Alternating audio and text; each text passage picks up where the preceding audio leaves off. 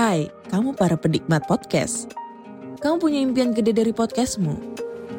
Terus First Story bisa banget bantu kamu.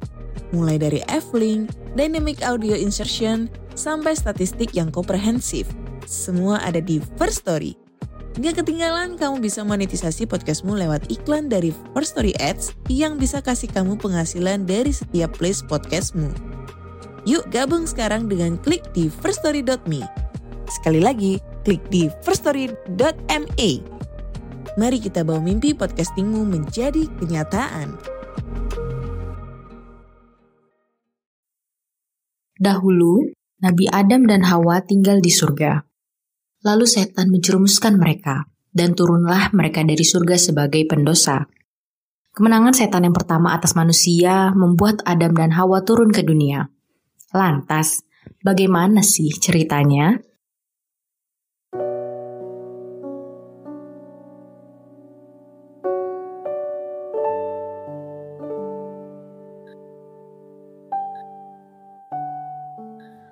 Teman-teman semua, apa kabar? Semoga kabar teman-teman baik-baik saja ya. Di episode 25 podcast cerita sejarah Islam ini, saya, Nabila Fisra, akan membawakan cerita mengenai kemenangan iblis yang pertama. Yuk langsung kita simak ceritanya.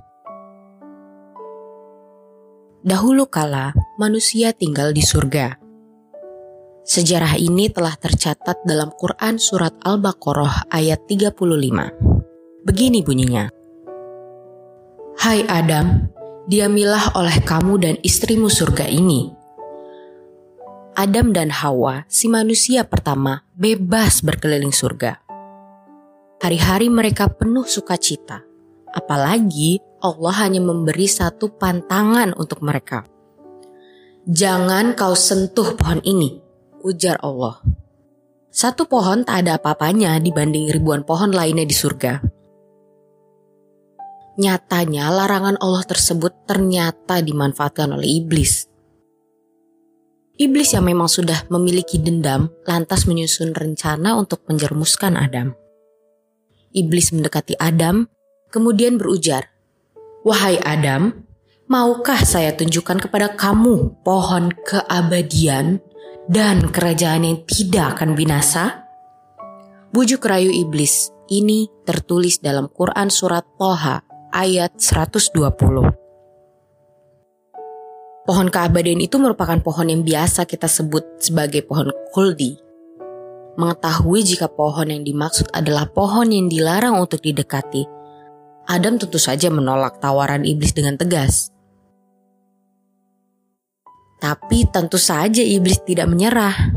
Ia lantas berujar, Tuhanmu hanya melarang kamu berdua mendekati pohon ini supaya kamu berdua tidak menjadi malaikat atau tidak menjadi orang-orang kekal di dalam surga. Agar lebih meyakinkan lagi, iblis kemudian membuat sumpah palsu seperti yang terekam dalam Quran surat Al-A'raf ayat 21. Dikatakan, dan ia setan bersumpah kepada keduanya, Sesungguhnya saya adalah termasuk orang yang memberi nasihat kepada kamu berdua. Melihat kesungguhan dan sumpah iblis itu, Adam dan Hawa lantas terperdaya. Adam lupa bahwa iblis baru saja dilaknat oleh Tuhannya. Dalam Quran surat Al-A'raf ayat 22 23, Allah berfirman, Ketika mereka mencicipi buah pohon itu tampaklah oleh mereka auratnya. Maka mulailah mereka menutupinya dengan daun-daun surga. Tuhan menyeru mereka, Bukankah aku telah melarang kamu dari pohon itu dan aku telah mengatakan bahwa sesungguhnya setan adalah musuh yang nyata bagi kamu berdua? Keduanya lalu berkata, Ya Tuhan kami, kami telah menzalimi diri kami sendiri. Jika engkau tidak mengampuni kami dan memberi rahmat kepada kami, niscaya kami termasuk orang-orang yang merugi. Mendengarkan permohonan dan penyesalan dari Nabi Adam, Allah lantas memberikan ampunannya. Ampunan Allah tersebut tercatat dalam Quran Surat Al-Baqarah ayat 27. Walaupun demikian, Allah tetap memerintahkan Adam dan Hawa keluar dari surga. Dikatakan, Turunlah kamu sekalian, sebagian kalian menjadi musuh bagi sebagian yang lain, dan kamu sekalian mempunyai tempat kediaman dan kesenangan di muka bumi sampai waktu yang telah ditentukan. Ujar Allah yang tertulis dalam Quran Surat Al-A'raf ayat 24. Sejak itulah manusia menggantikan kaum jin sebagai khalifah di muka bumi.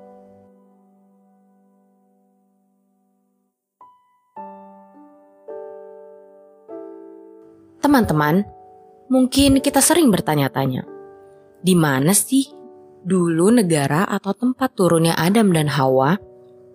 Ternyata ada beberapa pendapat mengenai tempat turunnya Adam dan Hawa di bumi.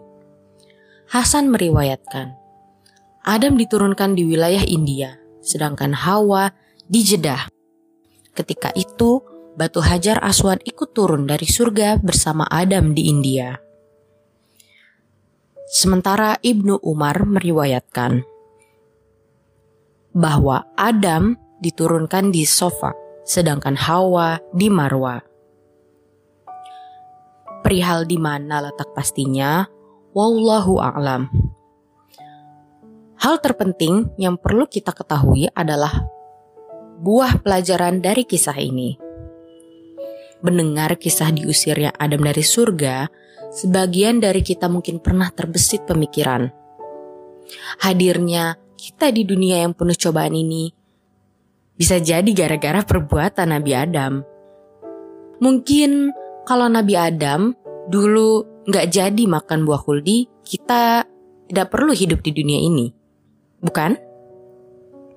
Nah, teman-teman, pada episode 21 ini, kita telah membahas bahwasannya tujuan diciptakannya Adam adalah sebagai khalifah di muka bumi. Sehingga turunnya Adam ke bumi merupakan sebuah kepastian kelalaian Adam dan Hawa hingga mendekati pohon yang dilarang hanyalah salah satu cara pengantar ia menuju bumi. Walaupun Adam tidak melakukan perbuatan itu, ia tetap akan diturunkan ke dunia. Jadi, hadirnya kita di dunia tak ada sangkut pautnya dengan kesalahan Nabi Adam di masa lalu. Apalagi Allah telah menerima taubat Nabi Adam dan Hawa dan mengampuni mereka. Itu artinya kita juga terbebas dari dosa Adam dan Hawa di masa lalu. Ada beberapa hal yang bisa kita petik dan garis bawahi dari kisah turunnya Adam ke dunia.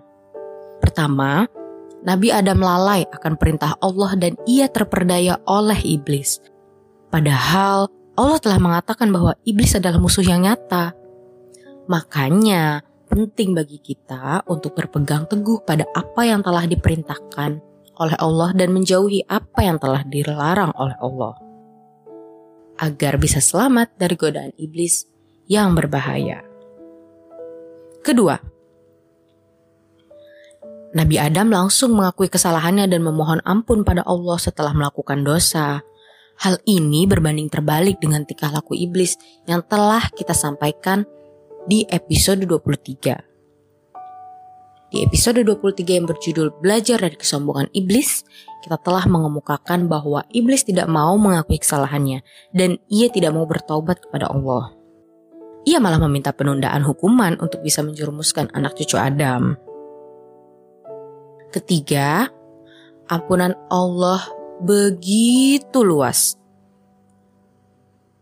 Malah kita sendiri yang kadang merasa memiliki dosa yang teramat besar, akibatnya kita merasa sulit mendapat ampunan dan enggan meminta ampunan.